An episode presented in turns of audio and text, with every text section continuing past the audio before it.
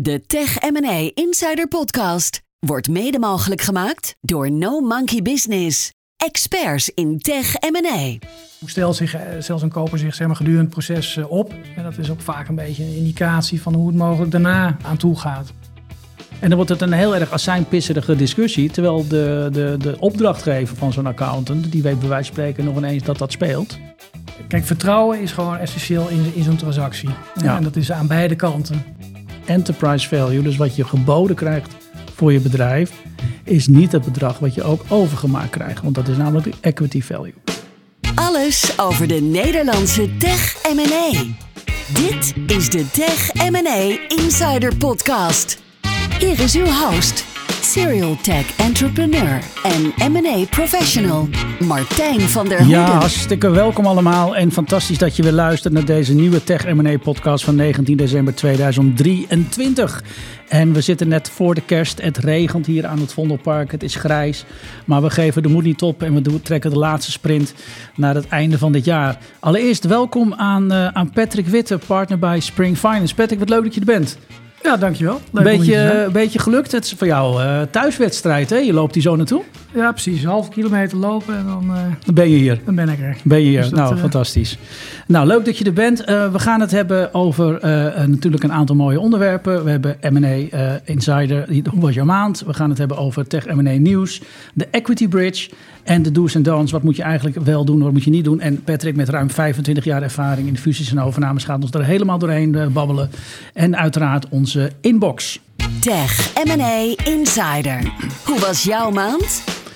Ja, Patrick, we hebben het altijd even over de maand. Ehm, eh, de afgelopen vier weken. Ehm, voordat we daarmee beginnen, kan je iets meer vertellen over jezelf en je ervaring, je achtergrond en eh, wat je zo doet? Ja, ruim eh, 20 jaar, wat je al zei, ervaring met fusies en overnames. Ehm, veelal in de IT-sector. Maar niet alleen fusies en overnames, ook corporate finance advies. Dus allerlei eh, ja, onderwerpen die normaal eh, zeg maar bij de, op de agenda van de CFO staan, maar die daar niet dagelijks mee te maken Ja, eh, ja. heeft.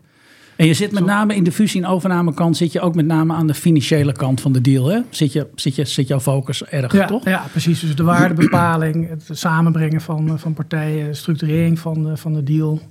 En ook eh, de, de verschillende specialismen ook aan tafel eh, brengen als dat nodig is. Hè. Dus, eh, Ja, want die, want, die, want die kopers die gaan altijd zo'n bedrijf helemaal financieel doorsla, doorzagen, zullen we maar zeggen. En dan ben jij een beetje de counterparty als je aan, tenminste als je aan de verkoopkant zit, om, om dat in goede banen te leiden. Ja, ja, absoluut. En daar is natuurlijk een voorbereiding, zoals je zelf ook weet, natuurlijk enorm, enorm belangrijk. Ja, ja. En naast fusie- en overnameadvies eh, ben ik ook actief als eh, ja, private equity eh, investeerder. Oké. Ja, want jullie hebben iets fantastisch gedaan met de elektrische palenlaters, hè? Ja, precies. Een ty- een typische scale-up was dat eigenlijk. Eh, Ja. Dus het was toen nog een, een bedrijf wat veel projecten deed. En moest eigenlijk de shift maken naar een, een productenclub. Ja. En ja, zeer snel groeiend natuurlijk. Gelijk met de, de groei van de oplaadinfrastructuur in, in Nederland. En eh, toen het enige omvang eh, eh, had, toen zijn we ook gaan kijken van oké, hoe kunnen we het beste verder doorgroeien. En dat is natuurlijk met name internationaal. Ja, en dan, dan we zijn we op zoek gegaan naar een, ja, een, een bedrijf die ons daar verder bij zou kunnen helpen. Of de onderneming eigenlijk. En dat is Legrand eh, geworden, een grote Franse multinational. Ja. Ehm, met ja, actief in meer dan eh, 150 landen. Oké, ja. En eh, daarmee eh, gaat, gaat het hartstikke goed. Ja, absoluut. En, en eh, ja, dan is het ook een, ja, een natuurlijk moment als ja, investeerder om dan weer afscheid te nemen. Ja, ja. Ja. Hartstikke mooi. En ehm, hoe was jouw maand eigenlijk? Hoe is het in jouw praktijk op dit moment? Ehm, nou, best actief met een aantal adviesopdrachten. Ehm, geen transacties die voor het einde van het jaar nog geclosed moeten worden. Ik zou wel willen, maar Ja. Dat eh, meestal duurt het toch wel iets langer. Dat zie je zeker het afgelopen jaar. Dat trajecten gewoon wat, eh, wat langer, eh, of meer tijd in beslag eh, nemen. En neem je nog een beetje vrij tussen kerst en oud en nieuw? Wordt het nog een beetje gezellig in de familie van, eh, van de familie Witte? Eh, zeker, zeker. Ja, maar ja, zoals je weet, als, als je actief bent op dit gebied, dan, dan ja, moet je natuurlijk wel vrij nemen af en toe. Maar ja, je bent toch, toch altijd wel beschikbaar als echt urgente zaken. Ja, ja, dat blijft altijd doorgaan. Hè? Je hebt toch die, die, die trusted role, zeg maar, met, met je klant. En dan, dan gaat, het altijd, gaat het altijd door. Ja, ja. Ja, oké, hartstikke goed. Ja, nou, ik ben zelf, ja, voor mij, ik merk heel erg, ik weet niet of jij dat merkt, maar iedereen denkt altijd dat de wereld ophoudt te bestaan, uh, zo'n beetje uh, op 1 januari. Dus alles moet af voor de kerst en moet af voor het einde van het jaar. Dus er komt een enorme druk altijd op iedereen te liggen, ook bij ons, ook in onze praktijk. En we zitten nu met een aantal trajecten die in de eindfase zitten. En iedereen wil toch graag de concept SPA en het liefst ook een akkoord erop al voor de kerst geregeld hebben. Dus nou ja, goed, we zijn druk aan het werk om, om dat voor elkaar te krijgen voor onze, onze klant. Um, maar uh, ja, het is, blijft altijd een beetje een aparte tijd. Uh, terwijl als we met, met elkaar weer allemaal 4 januari elkaar weer bellen, dan uh, blijkt alles gewoon weer door te gaan. Dus wat dat betreft is die druk altijd een beetje virtuele druk, vind ik zelf. Ja, ja. Nou, wat ik zelf zie is, als je in een, een, traject bezig bent, een verkooptraject, dan is er altijd een bepaald punt dat je denkt van oké, okay, dit, dit kan niet meer misgaan. Hè? Of, of echt de wereld ja. op in, instorten. En dan moeten toch vaak nog uh, een hoop juridische zaken nog afgehandeld worden. Ja, dat kan zo, uh, zo 1, 2 of 3 weken duren. Ja. Maar het is in ieder geval prettig als je zeg maar dan die vakantieperiode ingaat. Of die rustige periode, dat je dan weet van oké, dit, dit gaat wel goed komen, zo zeggen. Ja, precies. Ja, nee, absoluut. Tech M&A Insider Nieuws. Ja, uh, het nieuws. Um, um, ik heb een aantal dingen opgeschreven. Ik, ik heb met name opgeschreven dat ik zie dat Philips een uh, spin-off uh, Skill, uh, die haalt 10 miljoen, 10 miljoen euro op, een investeringsronde gedaan. Um, het gaat zelfstandig verder, is een spin-off van Philips. Um, ja, je ziet, die, zijn ook, die zijn bezig met um, artificial brillen, dus artificial intelligence brillen en ook met lenzen. Dus je ziet dat Waar je, kan je wel, ik weet, heb je kinderen trouwens of niet? Ja, zeker. Ja, maar ik weet niet of die ook wel eens iets met zo'n virtual reality bril op een game aan het spelen zijn. Of, nee, uh, nee, nog niet. Dat wordt niet echt. Er wordt wel veel gegamed thuis, maar nog niet met, uh, met brillen. Nee. nee. nog niet met brillen. Nou, maar dat zie je ook dat eigenlijk die, die, die grote brillen ook de meeste mensen ook een beetje afschrikken natuurlijk. Want ja, dat, dan, dan zit je toch een beetje voor lul eigenlijk. Uh, met zo'n ding op. Uh, en je bent heel erg afgesloten van de wereld. Maar Google Classes en Apple Classes worden natuurlijk allemaal kleiner. en deze club uh, die, die gaat zelfs zo ver dat er lenzen van gemaakt gaan worden. Dat is echt science fiction. Hè? Dus dat je gewoon een lens in hebt en dat je op je lens bij wijze van spreken je inbox geprojecteerd krijgt en, en allerlei andere augmented reality dingen geprojecteerd krijgt over je, over je zichtlijn. Dus dan, ja. ja dan weet niemand meer uiteindelijk dat je, dat je, dat je zo'n dat je zo'n uh, ja, dat je zo'n artificial um, uh, um, reality bril op hebt, zoals ze het zelf noemen bij, uh, bij, bij die spin-off van Skill. Um, dus dat zijn natuurlijk wel hele interessante ontwikkelingen. Dat je ziet dat zo'n bedrijf best wel veel geld ophaalt, terwijl er eigenlijk uh, nog veel moet gebeuren. Ja, ja. ja nou wat, wat denk ik ook wel interessant is van die brillen, is natuurlijk niet alleen de gamingmarkt. Wat Zeker. natuurlijk een mooie entree is. Maar als je ook, zeg maar, ook door die bril heen kan kijken, dus dat het niet afgesloten is, maar ook naar, naar ja, bijvoorbeeld uh, machines of, of, of, installaties, ja, dan kan je daar natuurlijk allerlei informatie aan toevoegen. Waardoor die monteur bijvoorbeeld uh, veel uh, ja, efficiënter kan opereren en ook kennis ja. van buiten kan ja. halen. Ja, je ziet dat virtual reality helemaal naar de augmented reality gaat. Wat jij, wat jij inderdaad bedoelt. Dat je dan op de realiteit instructies geprojecteerd krijgt. Of nou, in de medische sector, waar Philips natuurlijk oorspronkelijk enorme ja, vandaan komt ook, is dat je natuurlijk daar kan je ook allerlei dingen bij voorstellen in medische, medische situaties met operaties en dat soort zaken natuurlijk. Ja, ja en spin-offs van Philips zijn natuurlijk altijd interessant. mooi voorbeeld is natuurlijk uh, ASML. Ja, zeker. Dat uh, spin-off was. Ja, ja dat, uh, dat zijn we bijna vergeten dat het inderdaad een spin-off was. Heb jij nog nieuws wat je zo zag in het M&A-gebied op dit moment opgeschreven? nou, ik keek vanochtend even op de, op de Computable en toen toen zag ik weer dat uh, Sanderink weer in het nieuws uh, was. En dat is altijd uh, Centric. Centric, ja, ja, dat, dat blijft doorgaan hè, met die man met, met, met Sander. Ja. ja, dat is toch, toch een ico icoon zeg maar in de IT-wereld. IT Hoe oud zal hij nou zijn? Want ik, ik, ik, ik ja, dat, dat, hij, hij is al... In de 70. In ja, de 70, nog steeds ja. strong. Hè? Ja, en hij wilde zich weer actief bemoeien met, met de verkoop van, van Centric. Dus, hij wilde invloed hebben op de verkoop, of hij eist ja, invloed. Hè? Ja, ja, ja. Heeft hij nog, ja, hoe, hoe, zie jij dat dan? Is dat, nou, een, is dat een realistische claim?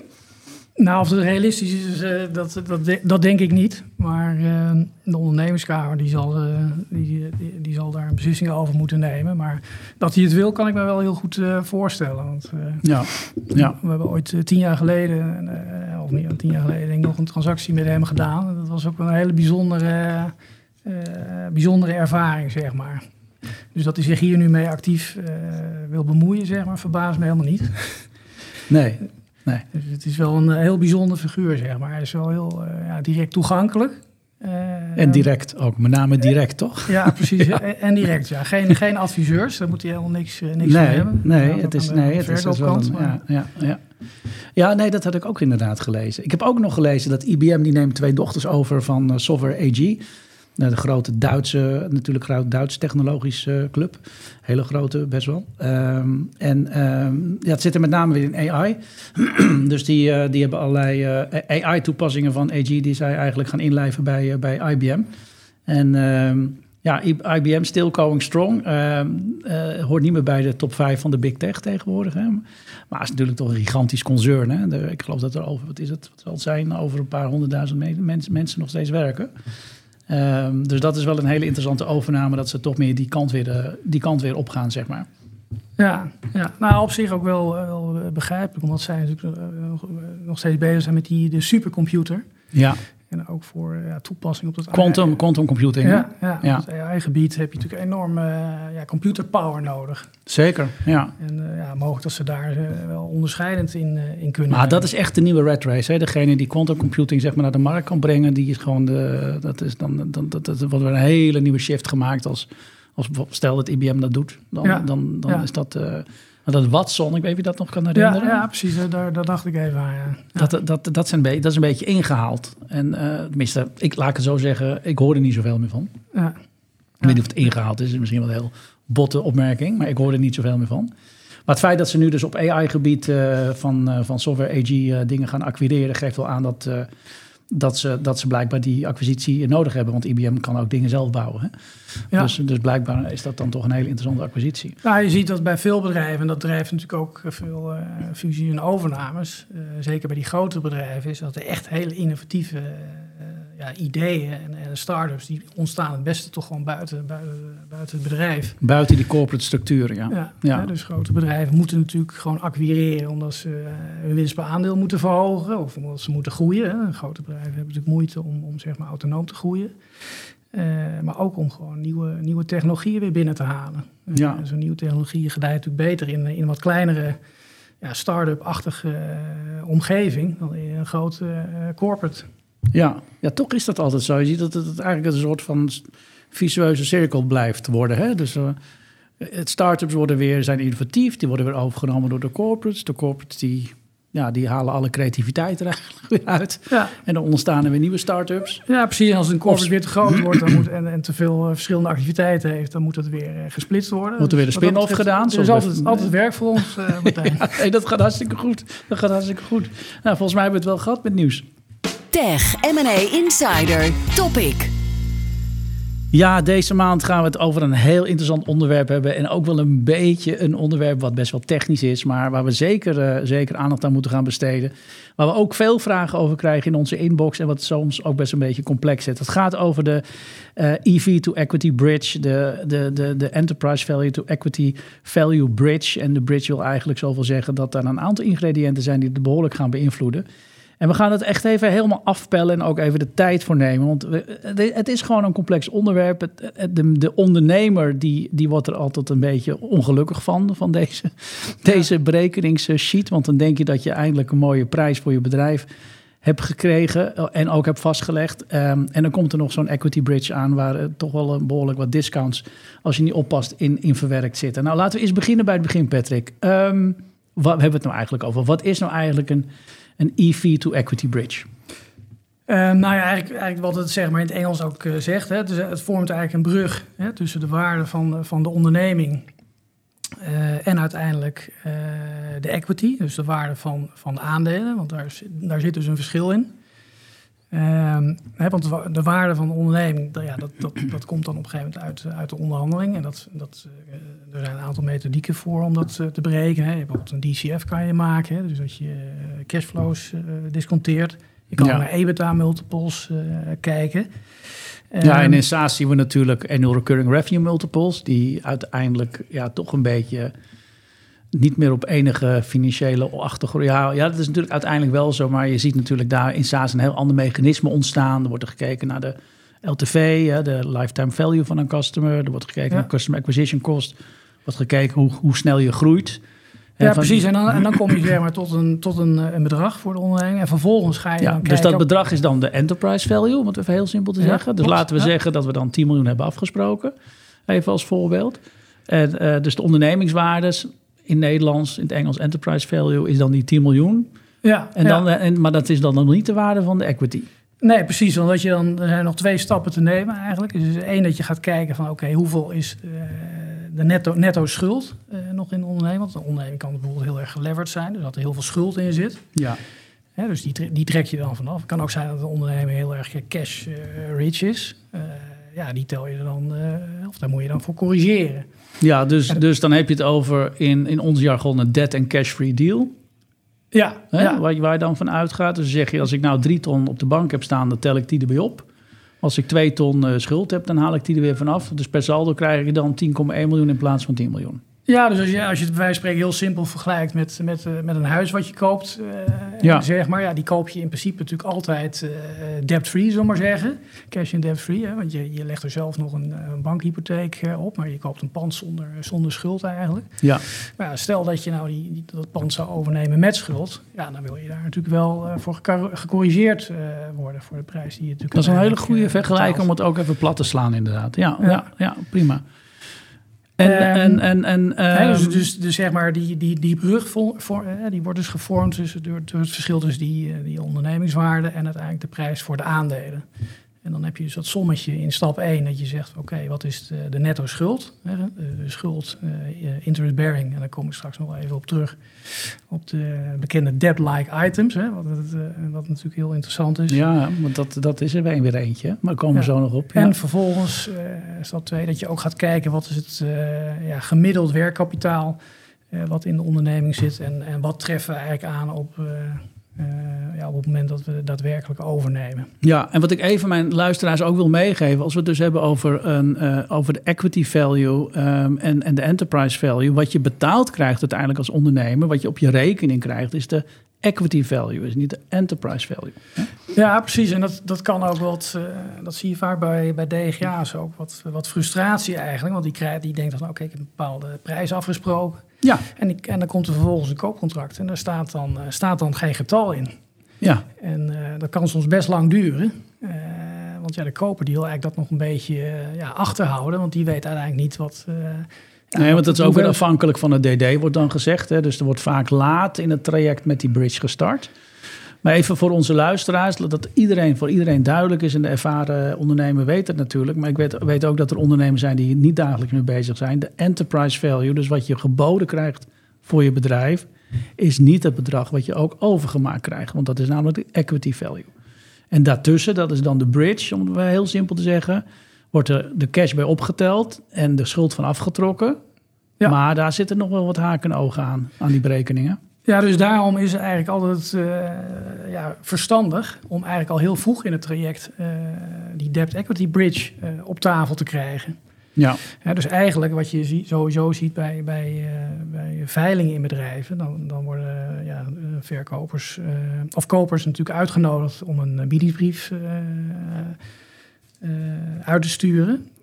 Ja, en daarin dus een prijs voor de aandelen eh, weer te geven of een prijs voor de onderneming. Maar in ieder geval ook een debt eh, equity bridge eh, toe te voegen. ja, maar als je nog niet het DD hebt afgerond als kopende partij, kan je ook zeggen: Ik weet nog niet wat alle deadlock items zijn. Nee, nee klopt. dus ik er kan ook nog niet die bridge maken. Nee, er zal altijd een voorbehoud eh, zijn, maar je probeert al wel, zeg maar als, als verkoper alvast ja, te, te kijken van oké, wat zijn de inschattingen en, en, en wat is de stellingname uh, van een koper uh, op dat onderwerp? Hè? Want je kan natuurlijk wel wat, wat je kan natuurlijk ook de koper al wel wat voeden met, met informatie. Hè? Meestal ja. is er al wel een balans beschikbaar natuurlijk. Maar even, we, we hebben het net dead, gehad. Echte dead-like items, dat, dat is inderdaad wel een. ja, een plus, plus networking capital, wat altijd toch weer een discussie oplevert. Daar moeten we het ook nog even over hebben. Maar ja. we hebben de tijd, dus we komen op terug.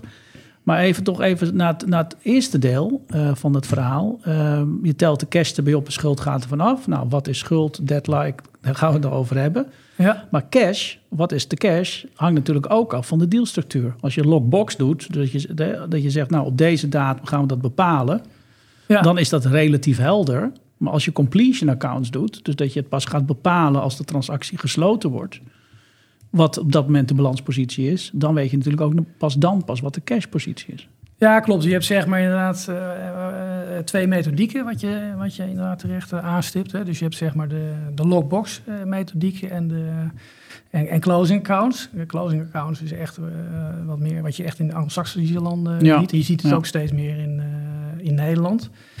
Dan heb je eigenlijk een, een, een verrekening nadat de transactie plaatsvindt. Dus niet voor wat betreft de waarde van de aandelen, maar wel nog een correctie uh, uh, nadat de, de, aandelen al, uh, al getransferred zijn. Ja. dus dat is een stukje onzekerheid. En dan wordt er ook waarschijnlijk geld achtergehouden om pas, pas later dan de eindbetaling te doen. Ja, ja, ja, Ja. klopt. En daar kan je ook weer allerlei afspraken over maken. Dus- Rentevergoeding of wat dan ook. Ja. Het voordeel wel is bij, bij, bij eh, closing accounts is natuurlijk dat je eh, de, zeg maar de cashgeneratie die pak je wel elke maand mee. Je ziet vaak dat die overnametrajecten ook wat langer duren. Ja, dan, dan, dan pak je zeg maar wel elke maand eh, zeg maar de cashgeneratie tot aan transactiedatum. Zeker als je sterk groeiend bent, is dat natuurlijk heel positief. Ja, ja, dus daar moet je ja, inschattingen over maken. En, en zeker die, die, eh, ja, de definities in, je- in je koopcontract en wat je eigenlijk bij voorkeur al eerder afspreekt.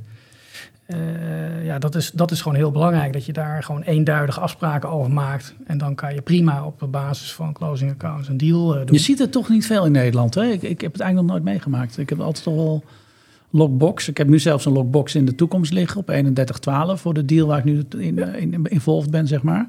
En dan wordt dan eh, gewoon gevraagd aan de accountant eh, om tweede week januari de, de cijfers op tafel te leggen. Ja, ja, dan breng je wel weer een onzekerheid in het deal. Kijk, Ja. die, die cashgeneratie. Maar ja, er zoveel cash wordt gegenereerd in het laatste kwartaal van deze club... dat het gewoon heel zonde zou zijn om die lockbox datum eerder te doen. Ja, wat je wel ziet is dat je, als je dus een lockbox hebt, is dat eh, je probeert natuurlijk wel een datum te zoeken wat, wat, wat dicht bij de transactiedatum eh, ligt. Dat is Ja. wel, eh, wel verstandig. Maar dat je dan bijvoorbeeld een rentecomponent afspreekt, Ja. zeg maar over dat lockbox-bedrag. En, dat, en dan, wat dan redelijk is, is dat het ongeveer overeenkomt met zeg maar de cashgeneratie in die, in die periode. ja, precies. Ja. Want je probeert wel als, eh, ja, als verkoper druk op die transactie te houden. Hè? Dat je niet eh, een verkoper die denkt van nou ja, goed, ik heb alle afspraken al gemaakt, gemaakt. Nu kan ik even rustig achterover eh, leunen. ja. En dan de deal doen wanneer ik, wanneer ik daar zin in heb. Nee, En- precies. en, dat moeten we niet. En dat als verkoper wil je dat natuurlijk. Nou, je hebt eh, natuurlijk ook exclusiviteitsperiode die, uh, periode die afloopt, wat een drukmiddel is. Ja, maar ja, goed, als je op een gegeven moment al zo ver in, zo- in zo'n deal Ja, eh, bent nou. en, je, en gaat dan eh, ja, discussiëren over, ja jongen, dan let op, eh, let op kopen, de exclusiviteit loopt af. Ja, dan weet zo'n eh, eh, zo'n koper ook wel van, ja, gewoon, eh, daar zullen ze niet zo snel eh, eh, de deal mee laten afbreken, zeg maar. nee. Even terug naar het onderwerp weer. Ehm, eh, de, de, de, de, ja, de, de bridge, zeg maar. Dus we hebben dat component van debt, we hebben dat component van, eh, van cash. Beide natuurlijk eh, posities die op een bepaalde datum dan vastgesteld moeten worden. Ja, En die dan gecorrigeerd worden, zeg maar, op de enterprise value, om tot een equity value te komen. Om, ehm, jij geeft aan, je, het is handig om met die berekening zo vroeg mogelijk eh, te starten. Dat betekent wel dat je ook een datum moet hebben om, om die berekening te kunnen doen. Ja, of in ieder, nou, je hoeft nog niet eens zozeer een, een datum te hebben, als wel eh, dat je gewoon eh, ja, eensluidende afspraken maakt over wat er wel en wat er niet onder valt. Precies. En je kan zo gedetailleerd gaan als dat je bij wijze van spreken het hele grootboek erbij pakt. Hè? Dus zonder, zonder de bedragen en bij wijze van spreken per grootboekrekening aangeeft of het wel of niet ertoe behoort. Nou, daar, daar, heeft natuurlijk op zich niemand uh, trek in. Maar je weet wel dat er een aantal posten zijn die gewoon potentieel tot discussie kunnen, kunnen leiden. En wat voor soort posten? Want we hebben het, ik heb het al even aangestipt, debt en cash free deal. Dan heb je het over ook networking capital. Um, wanneer komt dat item naar voren in die berekening? Uh, nou ja, goed, je hebt dus inderdaad uh, alle. Hè, dus als je kijkt naar de, de, de cashkant, dan moet je kijken van oké, okay, wat, is, uh, wat is echt vrij beschikbare cash? En dat is networking capital? Nou, dat is niet, niet networking capital zozeer. want je hebt de cash, heb je ook weer de trapped cash. Hè, dus het kan zijn dat je bijvoorbeeld wel vrij beschikbaar hebt, maar je, je, er ligt bijvoorbeeld een bankgarantie of je moet een bepaald bedrag moet je apart zetten. Ja. Um, nou, dat wordt dan trapped cash gezien. Dus dat wordt dan niet gezien als dat je dat vrij kan uit, uh, uitkeren. Ja. Um, wordt die dan wel of niet meegenomen als, als, als positief? Nee die, nee, die wordt dan niet als positief uh, meegenomen. Maar, okay. maar nogmaals, het is weer van wat je met elkaar afspreekt. Ja. Dus je kan, kan er echt als een uh, accountant in gaan zitten en, en per post daar, daar, daar discussies over hebben. Uh, maar je kan die maar wat, beter wat, eerder wat, hebben dan later. Nee, dat, dat, dat is denk ik een fantastische tip en dat moeten we ook zeker uh, meegeven. Maar wat, wat, wat, wat versta je dan onder networking capital? Nou, het, eigenlijk komt deze hele discussie. Kijk, sowieso uh, bestaat eigenlijk uit twee delen. Eén is natuurlijk dat je een correctie wil hebben voor, gewoon, voor, voor grote leningen die in een bedrijf zitten, hè, de schuld of bijvoorbeeld een hele grote cashpositie. Mm -hmm. uh, maar je wil als koper, wil je, en daar komt er eigenlijk uh, dit hele verhaal ook vandaan, wil je gewoon niet uh, zeg maar na een maand met een financieringsgat zitten, omdat alle cash is uitgekeerd. Ja. omdat je daar niet mee rekening hebt gehouden. En, ja. en, en, dat is eigenlijk met name ook vanuit de, de PI-kant gekomen. Okay. Want je vaak bij strategische partijen zie je vaak dat, dat uh, zo'n bedrijf uh, maar even heel, even heel, wordt opgenomen. Probeer het even heel praktisch te maken, om het even heel simpel te houden. We hebben dus dat bedrijf, dat heeft een enterprise value van 10 miljoen. Laten we even zeggen dat het een miljoen op de bankrekening heeft staan aan cash. Ja. Dan is het niet zo dat die cash in één keer zomaar bij die 10 miljoen wordt opgeteld. Ik haal even de debt items hou ik even buiten beschouwing. Het is dus niet dat je dan opeens uh, in plaats van 10, 11 miljoen krijgt. Want dan wordt er gezegd door de kopende partij, hou eens even, die miljoen, die heb je ook nodig om je salarissen te betalen. Nou, precies. En dat, dat is uh, die link met uh, werkkapitaal. Precies, hè, wat, jij, ja. wat jij natuurlijk ook terecht zegt. En het kan ook zijn, en dat, dat is dus ook wat je, wat je wil voorkomen als, als koper, is natuurlijk dat, dat een verkoper nog even heel snel uh, wat, wat grote debiteuren binnenhaalt vlak voor transactiedatum. En dan even zo al zijn betalingen uitstelt. Dus, dus met een relatief grote cashpositie uh, zit. Want die debiteuren worden als de debiteurenpositie wordt als cash gezien. Nou, als jij zeg maar versneld nog voor transactie, net voor transactiedatum, je debiteuren nog of een grote debiteurpost binnen weet te halen. Dus je factureert opeens alles wat bij wijze van spreken januari gefactureerd had moeten worden, factureer je nu even in december. Ja, precies. Of, of je zegt van nou, weet je wat, betaal even, even eerder deze keer. Dan kan je de volgende maand wel uh, wat later betalen. Ja. Ja, dan heb je eigenlijk uh, ja, een, een, een, vrij grote cashpositie kan je dan creëren. En als je dat dan Ja. volledig uitkeert, ja, dan heb je natuurlijk... Maar onder eh, cash versta je gewoon echt cash wat op de bank staat. Oftewel cash wat ergens staat, maar misschien niet meetelt omdat het getrapt is, zoals je zegt. Ja, Maar onder cash versta je niet de positie van de debiteuren. Nee, nee. nee. Is gewoon, is gewoon, eh, Nee, maar voor, gewoon middelen, voor alle bank. duidelijkheid. Dus, dus, Ja. dus, ehm, dus even weer terug naar het voorbeeld. Dus we hebben een bedrijf, 10 miljoen waard, 1 miljoen cash op de bank. Dan zou ik denken, nou dan krijg ik dus 11 miljoen. Maar dan zegt de koper, hou eens even. Maar van die 1 miljoen cash op de bank moet je je salaris betalen. Moet je je crediteuren betalen. Dus dat is eigenlijk niet, dat is eigenlijk niet vrije cash, om zo te Nee, zeggen. nou ja, goed, daar, daar, daar komt dan het sommetje van die netwerk op. eh, Exact, daar eh, wil ik naartoe, ja, ja. eh, eh, vandaan. Ja, dus wat je eigenlijk gaat doen, is dat je kijkt van oké, eh, dat doe je bijvoorbeeld LTM-basis, de laatste twaalf maanden. Ga je kijken, oké, eh, hoe was mijn werkkapitaal? Hoe zag mijn werkkapitaal er elke maand uit de afgelopen twaalf maanden? Ja. En daar, ga, daar bereken je dan bijvoorbeeld een eh, gemiddelde van. Kan je afzetten nog tegen, tegen de omzet. Hè, als je een snel groeiende bedrijf hebt. Nou ja, goed, je kan het zo complex maken als je wil overigens. Ja. Dat is nu, eh, voor nu gaan we nu dat niet ver. Ja, precies. Eh, maar als je dan zeg maar, een gemiddeld sommetje hebt, dan weet je gewoon van, ah, oké, de- deze onderneming heeft gewoon zoveel, zoveel werkkapitaal eh, Beschikbaar. Eh, beschikbaar En, en, dat, mag je dan als, dat mag je dan als cash optellen bij die... Ja, dus dan kijk je eigenlijk van wat is het verschil tussen de cashpositie op die transactiedatum en wat heb je gemiddeld nodig. En Ja. dat is dan eh, vrij beschikbaar. En dat cash. mag ik erbij optellen. Ja, Dus weer mag. in het voorbeeld, 10 miljoen enterprise value, miljoen cash op de bank. En we gaan met elkaar eh soebatten over dat sommetje. Ja, Die, dat werkkapitaalsommetje. ja dan zeg ik dan bijvoorbeeld van nou ja, gemiddeld was je werkkapitaal 1,1 miljoen. Ja, Eh, dan zeg ik, eh, ja, dan kom je eigenlijk nog een, een, een ton tekort eigenlijk. Hè, dus dat zou ook nog kunnen. Dus dan denk je van, ik kan die 1 miljoen uitkeren. Maar eigenlijk kom je nog een ton eh, tekort. Dus dat zou ook Ja. nog kunnen. ja. Ja. Oh. Ja, ik hoor even dat de bel gaat. Ja, dat heb je bij een podcast die natuurlijk gewoon thuis wordt opgenomen. Maar dat zal ongetwijfeld weer een pakje zijn, eh, zo voor de kerstdagen. Eh, dus eh, we laten hem gewoon lekker gaan.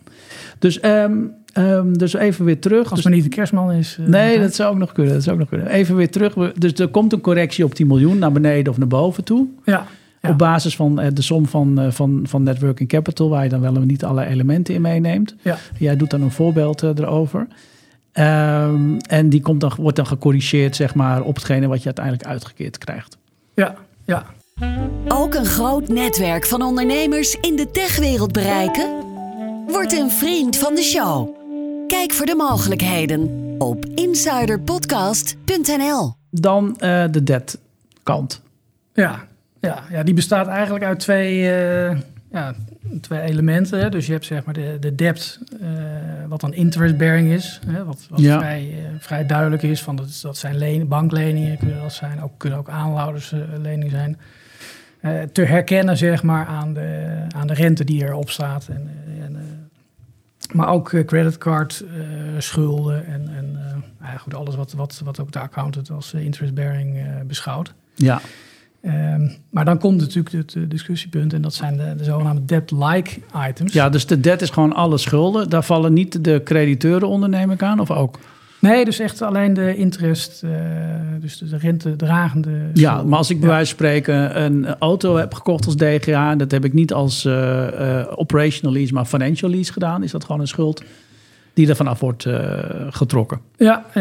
Ja, Ja. dus Maar van- ook weer operational debt, ja, dat kan je ook weer discussiëren of dat bij die eh, debt-berekening hoort. Kijk, de, een operational eh, debt, dan, dan, ja, die, dan kan het natuurlijk ook zijn dat die in die EBITDA wordt eh, opgenomen, wel of niet. Ja. Dan wordt het wel heel complex nu hoor. Maar als Ja. dat die EBITDA weer wordt gebruikt om je waarde van je onderneming eh, ja, te berekenen, dan moet je wel rekening houden dat, die niet, dat je niet dubbel gestraft wordt, zeg maar. Dat je en in je EBITDA wordt geraakt, door, Ja, ja, ja, door- ja. door mogelijk eh, eh, rente, eh, rentecomponenten die in de EBITDA zitten. Normaal zit dat eh, onder de Ja, ik snap precies wat je dat je, bedoelt. want dat die, die schuld, ja, precies. Want hij is natuurlijk al voor een deel, ja, hij is natuurlijk al voor een deel, is de, op die EBITDA heeft hij invloed. En als de multiple op de EBITDA is, heeft het daar weer invloed op.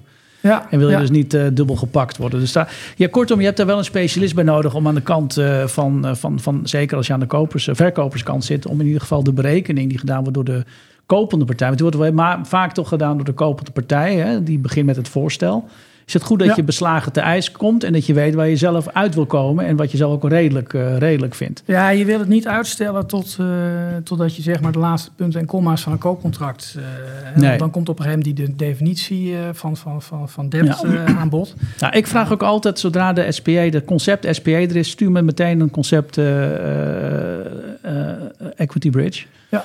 Ehm, zodat we, en ik, doe, ik heb nu ook laatst zelfs een equity bridge gewoon gemaakt in de termsheet. Gewoon een concept equity bridge. Ja. Nou goed, heb je toen bij geholpen, dus je weet precies waar ik het over heb. eh, Ja, je kan het zo simpel Ja. maken dat je, dat je gewoon een balans eh, met de belangrijkste balansposten toevoegt. En dat je gewoon kruisjes zet. bij- bij PM's, eh, PM's zet bij potten die, Ja. potjes die je nog niet helemaal kan eh, thuisbrengen. Ja.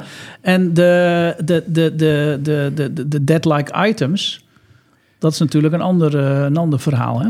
Ja, ja, want daar kan gewoon altijd discussie eh, over ontstaan. Dus, de, dus, dus je hebt bijvoorbeeld, eh, nou ja, ik, kan een aantal voorbeelden noemen, nog te verrichten werkzaamheden. eh, of vooruitbetaalde bedragen, zeg maar. Ja, die moet je ook eh, volgens accountingregels. Dat is trouwens ook een belangrijke natuurlijk. Dat je allereerst eens bent over dezelfde accountingregels. Ja, nou ja, dat is een heel goed punt. Want ehm, ik, ik heb in de deal waar ik nu mee bezig ben heel duidelijk aangegeven wat de accountingmethodiek is van deze specifieke cliënt. Die doen eigenlijk een deel cash-based en een deel accrual-based, maar niet volledig compliant met, eh, met de general accountancy principles die iedereen kent. Eh, althans, mag, mag aannemen dat mensen die kennen, zeker aan de, aan, de, aan, de, aan de kopende kant. Aangegeven in het financieel memorandum, aangegeven in de termsheet. En nu wordt er toch een hele berekening gemaakt van, eh, van zeg maar de install base op basis van zeg maar accrual-based accounting conform eh, cap. Ja. Ja, ehm, en dan komt daar misschien twee of drie ton minder uit aan revenue eh, dan, dan de partij waar we het nu over hebben. Dus ja, en toch probeert men daar dan, want de enige reden dat ze dat doen is dat ze daar natuurlijk op gaan discounten in die bridge. Ja, ja. Hey, absoluut. Dus als jij zeg maar al betaald krijgt voor werkzaamheden die je nog eh, moet verrichten, ja, dan komt dat natuurlijk al bij je cashpositie bij. Ja, als je dan zeg maar al die cash eh, al uitkeert en je moet vervolgens al die werkzaamheden eh, nog verrichten, terwijl daar geen inkomsten tegenover staan. Er staat wel omzet tegenover wat eh, de accountant elke maand Ja. erbij schrijft, maar eh, cash-wise niet. Nee. Ja, dan, dan heb je weer te maken met dat financierschat, eh, wat je natuurlijk als, als koper wil, eh, wil voorkomen. Dus dat is wel een, eh, ja, een terecht punt om daarop te corrigeren. Ja, alleen het is, het is, ja, dat is allemaal zijn. wel zo. Dat is allemaal zo. Maar de- waar, het, waar de crux in zit, is op werkzaamheden die je nog moet verrichten. Ja, Want als Ja. jij gewoon softwarelicentie uitlevert voor 12 maanden en je factureert 12 maanden vooruit. En je hoeft er eigenlijk, eh, de licentie loopt gewoon af en dan kan men niet meer in het pakket. En in de tussentijd kan men gewoon in dat pakket, je moet het live houden. Ja, dat, dat, wat moet ik daar dan voor verrichten? Hè? Ja. Dus dat is, dat is altijd een discussie. ja, Ik weet nog, bij, bij de verkoop van Assistant Software eh, heb ik die met KPMG uitgebreid gevoerd. En toen zei ik, ja, ik lever een licentiecode. En eh, men kan in het pakket tot die datum. En daarna moet men weer een andere licentiecode hebben. Dus mijn verrichting, en daarom recognize ik ook de revenue, is dat men een access code heeft om in het systeem te kunnen. ja, En eh, dus mag ik het recognizen. ja. Punt. Ja, absoluut. En, en, en, en ja, je, je bedrijf stopt ook niet. Hè? Dus, dus elke maand komen er natuurlijk weer licentieinkomsten eh, bij. Dus, dus Ja. ja. eh, ontstaat er een financieringsgat? Ja, eigenlijk niet. Want Nee. je bent natuurlijk gewoon door met... er komt weer een nieuwe eh sloot. Ik vind het anders met, met bij wijze van spreken zegt ik factureer een, een ton aan uren vooruit. En we moeten daar nog eh, eh, een ton aan uren consultancy voor verrichten de komende tijd. Ja. Dat vind ik toch een heel andere. Maar, maar goed, ik denk dat het sowieso goed is als we gewoon, eh, wat ik ook altijd probeer in mijn deals, is met mijn cliënt duidelijk te hebben hoe, wat zijn nou jullie accountancy principles? Is het cash-based? Is het, is het accrual-based accounting? Ehm, en soms weet men dat nog ineens. Of heeft men ooit eens van de lokale accountant in het, in, in, in, in, in, in het dorp waar ze zitten gezegd: laten we het maar zus of laten we het maar zo doen. Want je hoeft natuurlijk als MKB-partij niet eh, compliant te zijn met, eh, met, met de General Accountancy Principles. Nee, nee, maar het punt is natuurlijk dat die koper dat natuurlijk exact, wel... eh, die moet is, dat hè. wel. En die, en die gaat dan toch op die manier naar de boeken kijken. En die probeert dan toch op allerlei manieren daar dan op te gaan discounten. als hij ziet dat er veel te veel cash eh, vooruit gefactureerd is. Ja, en het is, het is niet per definitie dat je dan als koper, eh, ik zit wel heel erg aan de koperskant trouwens, maar Ja. eh, dat je als koper zeg maar iemand een poot probeert uit te draaien of iets dergelijks. Maar ja, die, die komt natuurlijk zelf, hè, die heeft ook een- zelf een investeringsvoorstel wat hij intern moet verdedigen. Ja, die, die komt daar natuurlijk scheef te zitten op het moment dat er hele andere cijfers Nee, dat is waar. Dat is waar. Maar je moet daar gewoon transparant over zijn aan beide kanten en ook eerlijk over zijn. ehm, hoe, je daar dan, eh, hoe je daar mee omgaat. Maar in ieder geval, als daar dus iets uitkomt, is dat dan een deadline item. Hè? Ja, ja.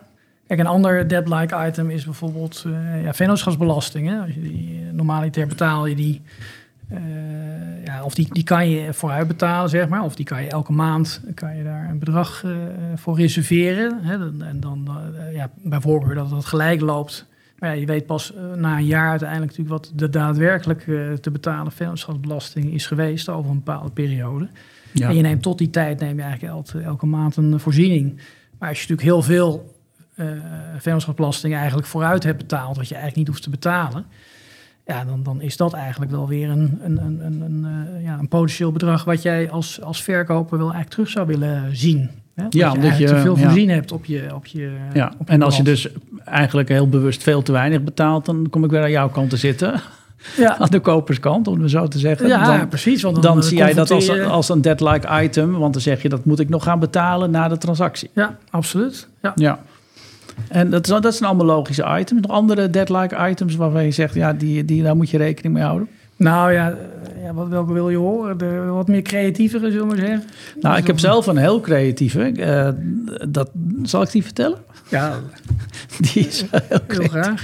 Nou ja, goed. Wij waren in een transactie met, eh, met, eh, met een van mijn cliënten. Uiteindelijk is het allemaal goed gekomen. Maar die hadden als deadline item opeens daar, daar nieuw, nieuw SAP-implementatietraject opgezet van drie ton. En moet Ja. je, mind you, dat was een club die, was, eh, die was, zeg maar, deed een omzet van rond de 2, 3 miljoen. En die werd overgenomen door een club die deed een omzet van 800 miljoen.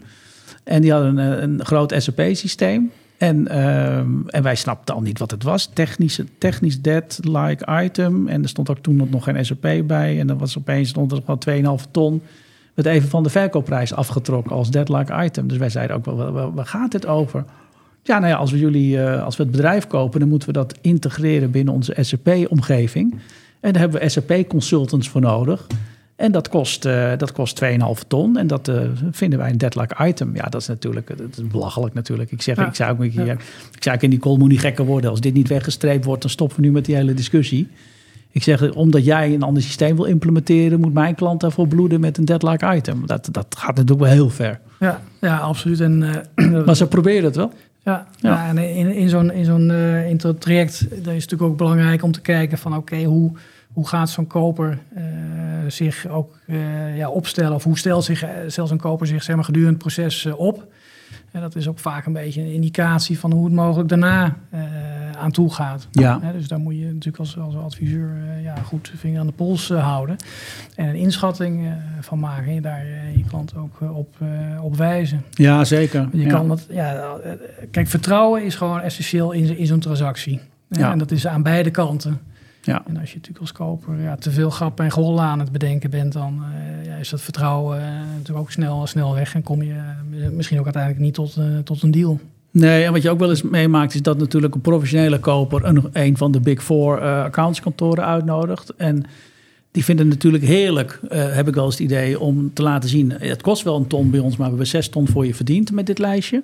Ja, Dus per saldo kost het je eigenlijk helemaal niks. Heb Ja. ik een half miljoen voor je verdiend. Hè? Dat is een beetje de, de pitch van de, van, van de accountant aan de koperskant, zeg maar.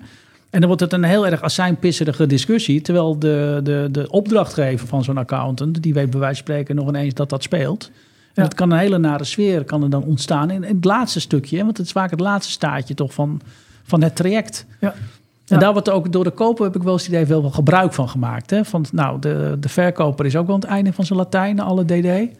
Ja, nou, als, als koper kan je natuurlijk ook dat proces eh, ja, eh, vertragen. Door nog eens een keer aan je DD-adviesclub te vragen of ze nog even een vragenlijstje eh, op willen sturen. Of eh, ja, ja. op een ander punt. eh, dus, maar ja, dat soort dingen moet je, ja, daar heb je natuurlijk eh voelsprieten voor. Dan moet je natuurlijk snel in de gaten eh, Ja. krijgen. Dat je, dat, eh, dat je dat uitsluit. Ja, ja, ja, ja. En, ehm, maar in principe, als we het helemaal dus plat slaan, is het sommetje dus de waarde van je onderneming, wat er voor de aandelen is overeengekomen. Daar gaat af de schuld, daar komt bij eh, de cash. Ja, En eh, de, de, de inhoud van de positie cash en debt, daar zijn allerlei discussies over mogelijk. Maar uiteindelijk Ja. is dat het sommetje. ja, ja. klopt. En, en, en uiteindelijk is het natuurlijk ook linksom of rechtsom. eh, ja, wat krijg je totaal voor je aandelen? Hè? Ja. Dus, dus, en dat, dat, dat snapt die koper en dat snapt de verkoper natuurlijk ook. Ja, daar gaat het uiteindelijk Dus eh, om. wel heel erg muggensift op al die debt-like items. Eh, maar ja, goed, dan, dan, eh, dan had je in het begin maar misschien iets over de, de ondernemingswaarde, andere inst- ja, stellingnamen moeten nemen. Ja. Ja, want je, ja, je wil ook, je wil ook niet dat, dat, dat, je, dat je wil ook niet het gevoel krijgen dat je mooie waarde voor je onderneming hebt gekregen of geboden hebt gekregen. Maar dat er op allerlei manieren geprobeerd wordt om weer naar de initiële eh, waarde te komen die de koper eigenlijk in het gedacht had om te willen betalen. Ja, want dan ben je toch eigenlijk pennywise, pound foolish bezig. Zeker als je Ja. te maken hebt met, eh, met DGA's, die ook nog bij spreken na, na transactiedatum nog, eh, nog door moeten. Als Ja, die sfeer moet goed blijven, is, ja. dan, dan, Ja. dan kan je dat beter in een goede sfeer doen Ja. dan, dan ja, te veel daar... eh, En wat zijn Ja, nou de, oké. de, de, de do's en de don'ts, eh, eh, Patrick, hierin? Als we, even, als we er even naar kijken. Eén heb ik al opgeschreven, dat is dat je zegt begin vroeg met die, met die, met die, eh, met die, met die bridge. Ja, ja. Dus eigenlijk moet je zelf eigenlijk al goed, goed in de gaten hebben van oké, hoe, hoe ziet mijn eh, balans eruit en hoe zien eh, ja, potentiële kopers eh, mijn balans. Hè? Ja. Dus, eh, wat zouden zij onder die, die debt equity bridge Ja, dus je zou bij wijze van spreken een specialist eh, zoals jouzelf kunnen inhuren om, om, om die bridge al te maken voordat je überhaupt bij wijze van spreken met de deal eh, begint. Ja, want dan weet je in ieder geval, oké, straks als ik een hand geef op een bepaald bedrag, dan, dan, dan weet ik gewoon dat dit nog een potentiële correctiepost eh, is. Ja, dus wij hebben dan dat lijstje al een beetje, in, in, in, een beetje met potlood op de achterkant van een bierviltje samen met jou gemaakt. Wat dan de bridge is, hè, dus de enterprise value en dan de debt items en dan de, de cash items. Ehm, dus dat ga je dan van tevoren, van tevoren doen. Ehm, dus dat is een absolute do.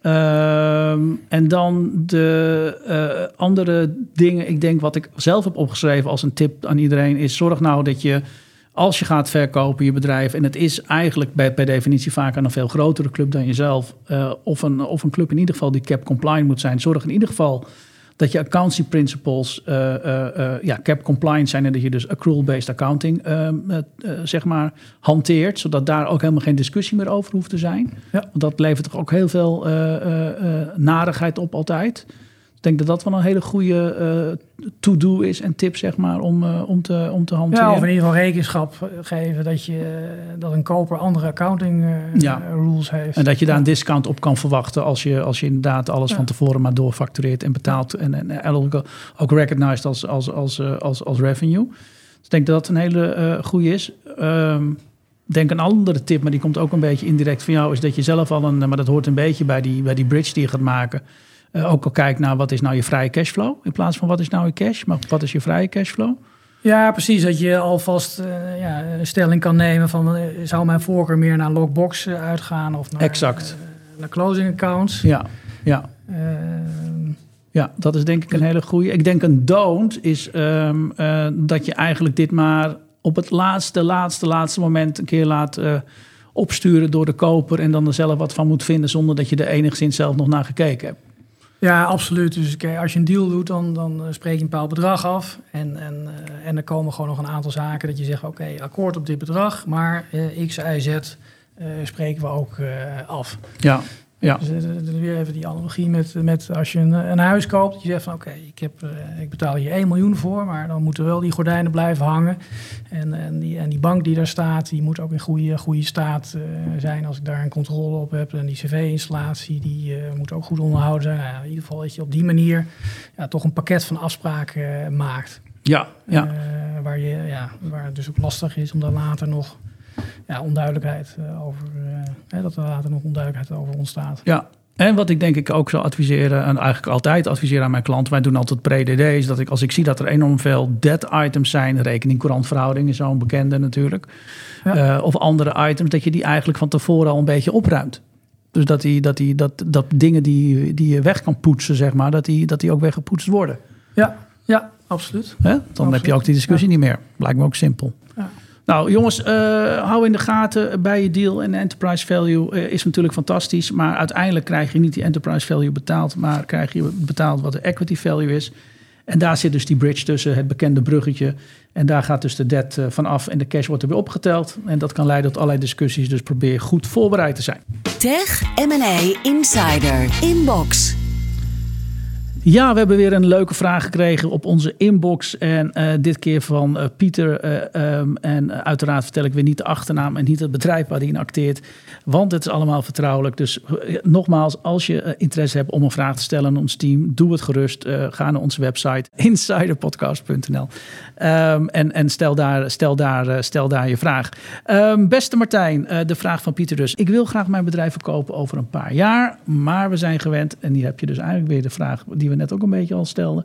We zijn gewend om bij het factureren van de opdracht de omzet volledig uh, uh, uh, in de omzet ook te boeken en te nemen. zou je maar aanraden onze boekhoudmethodiek aan te passen, zodat we meer cap compliant zijn? Nou, Patrick, volgens mij hebben we al bijna al beantwoord, hè? Ja, absoluut. dus, de, dus ja, wat is jouw advies hier aan, aan, aan, aan Pieter? Ja, om natuurlijk de, de, de gap-regels te volgen. Ja, ook al is je onderneming eigenlijk uh, niet, niet, hoeft niet compliant te zijn, toch conform die general uh, accountancy principle ja. regels uh, aan de slag te gaan. Ja, ja, ja. absoluut. Kijk, je wil zeker bij die, die, die, die voorbereiding, ja, wil je ook op een gegeven moment maandcijfers laten zien. Ja, en een bepaalde managementrapportage. De, de hele look en feel is natuurlijk ook erg belangrijk. En als er gewoon te veel punten zijn waarop nog verbetering plaats moet vinden eigenlijk na de transactie. Ja, dat zijn ook weer allerlei uh, ja, minnetjes, zeg maar. Achter, uh, ja, achter een besluitvorming of, je, of een koper wel of niet uh, iets gaat doen. Ja, het is natuurlijk wel zo dat je in de historische projecties, als je dat bij wijze van spreken, je 24 mee begint, maar je hebt het altijd de afgelopen 10 jaar niet gedaan. Ja, dan kan je gewoon re restaten. Hè? Dus dat, dat hoeft helemaal geen probleem te zijn. Dat is weer iets anders dan, dan normaliseren, zeg maar. maar uh, dan ga je, het verleden ga je het verleden restaten of ga je de toekomst restaten naar het verleden? Nee, je, gaat, je, je, je laat gewoon, uh, je restate eigenlijk de historische jaren. Met wat het zou moeten zijn. Op basis van de, de, de, de juiste accountingregels. Ja. Precies, dus je gaat het uh, verleden restaten met de nieuwe accounting principles die ja. dan gaat volgen ja. en die dan cap compliant zijn. Dus ja, dat is het antwoord, Pieter. Dus ja, wij denken allebei inderdaad dat als je op het punt staat of uh, je bedrijf over een paar jaar wil verkopen, zorg dat je dat in ieder geval geregeld hebt en, en zorg dat uh, nou, revenue recognized wordt als ook de dienst of de producten geleverd zijn. Uh, en aan de, aan de, aan de, aan, er zijn nog veel meer dingen waar je rekening mee moet hebben. Dat is een van de belangrijkste wat ik zie wat vaak misgaat. En zorg dat ook aan de kostenkant dat zo is. Dus neem de kosten pas als de kosten ook genomen moeten worden, ook bij meerjarige contracten. Dat zijn de wat laaghangende fruitdingen die iedereen kan toepassen. Vaak zie je ook dat er dan toch een ander boekhoudpakket nodig is. Um, um, een wat professionele boekhoudpakket dat het allemaal netjes uh, wegautomatiseert voor je, zodat die accrual-based accounting gewoon netjes door de boeken blijft lopen zonder al te veel handmatige, handmatige dingen die je zou moeten toepassen. Um, en bij recurring revenue en bij SaaS is, het natuurlijk, uh, um, is dat natuurlijk relatief goed te doen als je goede contractadministratie hebt. Dus zorg ook dat dat op orde is in ieder geval. Um, ja, nu zijn we weer aan het einde gekomen van onze podcast. Uh, maar niet voordat ik Patrick wil bedanken voor zijn komst en zijn uh, goede insights op, op dit onderwerp. Enorm bedankt voor je komst. Fijn dat je er was. En hopelijk misschien nog tot een volgende keer. Ja, graag gedaan. Ja, dus helemaal super. Ik wil ook graag onze mediapartners bedanken. Computable en ook Immerse voor het publiceren van deze podcast hun fantastische platformen. En we zien dat er via die platformen ook veel naar ons geluisterd wordt. Allemaal fijne feestdagen gewenst. En voor straks een fantastisch 2024. Bye bye.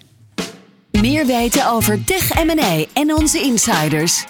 Kijk op insiderpodcast.nl. De Tech M&A Insider Podcast wordt mede mogelijk gemaakt door No Monkey Business. Experts in Tech M&A.